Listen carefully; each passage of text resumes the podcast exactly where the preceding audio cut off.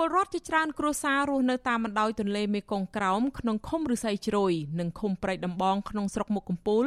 ស្នើឲ្យអាជ្ញាធរខេត្តកណ្ដាលបកស្រាយឲ្យបានច្បាស់លាស់ជុំវិញសកម្មភាពបូមខ្សាច់ខ្នាតធំក្នុងអាងទន្លេមេគង្គជាច្រើនគីឡូម៉ែត្រនៅតំបន់របស់ពួកគាត់អ្នកភូមិលើកឡើងបែបនេះដោយសារតែច្រាំងទន្លេរាប់រយម៉ែត្រផ្ទះសម្បែងដីស្រែចម្ការនិងផ្លូវថ្នល់នៅតែបន្តបាក់ស្រុតចូលទន្លេជារៀងរាល់ឆ្នាំដោយគ្មានការផ្ដល់សំណងត្រឹមត្រូវនោះទេ ពលរដ្ឋរស់នៅភូមិវត្តរកាឃុំរស័យជ្រោយលោកត្រៀងសុវណ្ណឲ្យដឹងនៅថ្ងៃទី17ខែសីហាថា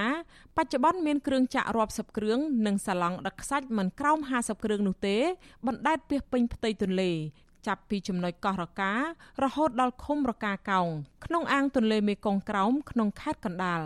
លោកថាអាជីវកម្មបូមខ្សាច់ខ្នាតធំនេះ កើតឡើងមានជាង5ឆ្នាំមកហើយធ្វើឲ្យប្រជាពលរដ្ឋដីភ័យខ្លាចក្រែងបន្តបាក់ស្រុតផ្ទះសម្បែងនិងដីចំការចូលទន្លេកាន់តែច្រើន។ប៉ះពាល់ដល់យើងទឹកយើងហេងល្អផងមួយប៉ះពាល់ច្រាំងទន្លេដល់ពេលអញ្ចឹងយើងធ្វើបារម្ភច្រើនណាស់វាប៉ះពាល់នេសាទត្រីវាលែងនិយាយឥឡូវសំបីអត្រីខែធម្មតាបដូងខែសចំណុះខែ11ខែ12យើងត្រីចំណុះយើងធ្វើត្រីប្រហុកធ្វើផ្អកអញ្ចឹងយើងអាចបន្តែមើងបានតែចំនួន2ឆ្នាំហ្នឹងអត់មានទេបងអើយ2ឆ្នាំអត់មានត្រីចំណុះត្រីអីអាកាហៅត្រីចំណុះយើងខែយើងធ្វើត្រីផ្អកត្រីប្រហុកអញ្ចឹងឥឡូវលែងមានទេបងអើយបរិះដដែលបន្ថែមថាចាប់តាំងពីឆ្នាំ2020មកទល់ពេលនេះមានផ្ទះពលរដ្ឋក្នុងឃុំរស័យជ្រោយ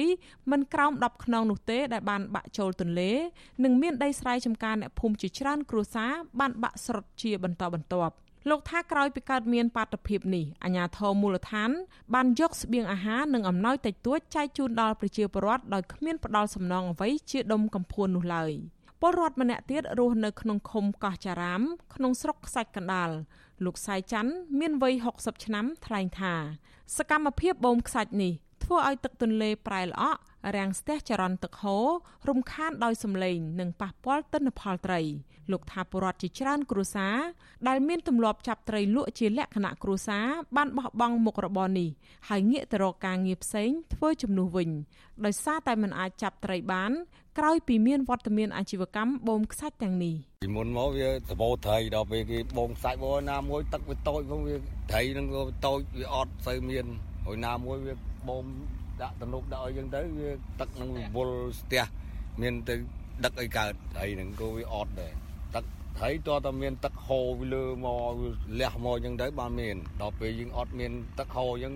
វត្តឈូអេស៊ីសេរីមិនអាចតាក់ទងសុំការបំភ្លឺរឿងនេះពីអភិបាលខេត្តកណ្ដាលលោកគង់សុភ័ណ្ឌអ្នកនាំពាក្យក្រសួងបរិស្ថានលោកណេតភក្ត្រានិងអ្នកនាំពាក្យក្រសួងរ៉ែលោកយុះមនីរ៉ាត់បានទេ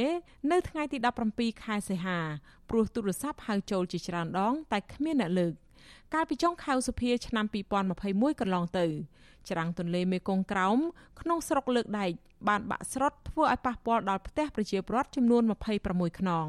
អភិបាលស្រុកលើកដែកលោកចាប់ច័ន្ទវិទ្យាបានប្រាប់កាសែតភ្នំពេញប៉ុស្តិ៍ថាការបាក់ច្រាំងទន្លេនេះតែងតែកើតមានឡើងជារៀងរាល់ឆ្នាំឆ្នាំនេះមានការប្រះដីចូលច្រាំងទន្លេជាង30ម៉ែត្រនិងទទឹងជិត4ម៉ែត្រ ជុំវិញរឿងនេះស្ថាបនិកចលនាមេដាធម្មជាតិលោក Alejandro Gonzalez Davidson អះអាងថាប្រសិនបើនៅតែបន្តយកសាច់ពីទន្លេ មកលុបបឹងនិងច្រាំងទន្លេនៅរាជធានីភ្នំពេញនោះតម្រូវការបូមខ្សាច់ចេញពីអាងទន្លេមេគង្គក្រោមនឹងលើសពី100លានតោនក្នុងឆ្នាំ2021នេះលោកថាផលប៉ះពាល់ដោយផ្ទាល់តេតិននឹងការបាក់ច្រាំងទន្លេនិងការបាត់បង់ចំនួនត្រីមិនបានធូរស្រាលនោះទេដរាបណាសកម្មភាពនេះមិនត្រូវបានដោះស្រាយ។ មិនមែនជាបញ្ហាទៅនឹងសមត្ថភាពទេគឺអត់ចង់អត់ចង់កែប្រព័ន្ធទេអត់ចង់បន្ធូរបន្ថយចំនួនខ្សាច់ដែលគេបូមមិនចង់គោរពសិទ្ធិប្រជាពលរដ្ឋមិនចង់គោរពច្បាប់ពាក់ព័ន្ធទេមិនចង់មានតម្លាភាពមិនចង់ឈប់របៀបធัวទេដោយសារអីគេកំពុងតែរស់ស៊ីពីអាការបូមខ្សាច់ទ្រង់ទ្រាយធំបែបអញ្ចឹងណាអញ្ចឹងខ្ញុំមិនមានសង្ឃឹមទេដែលគេនឹងបន្ធូរបន្ថយទេ ជាមួយគ្នានេះដែរនាយកប្រតិបត្តិអង្គការបណ្ដាញការពារទន្លេ3លោកលៀងប៊ុនលៀបពន្យល់ថាការធ្វើអាជីវកម្មរ៉ែខ្សាច់នេះនឹងធ្វើឲ្យប្រែប្រួលផ្ទៃក្រោមរបស់ទន្លេហើយចរន្តលំហូរទិសដៅរបស់ទឹក ក៏នឹងប្រែប្រួលដែរព្រមទាំងប៉ះពាល់ច្រាំងទន្លេ និងថយចុះធនធានជលផលជាដើមលោកថាអាញាធរគួរតែអនុញ្ញាតឲ្យមានអាជីវកម្មបូមខ្សាច់នេះនៅតំបន់ណាដែលចាំបាច់ត្រូវស្ដារទន្លេ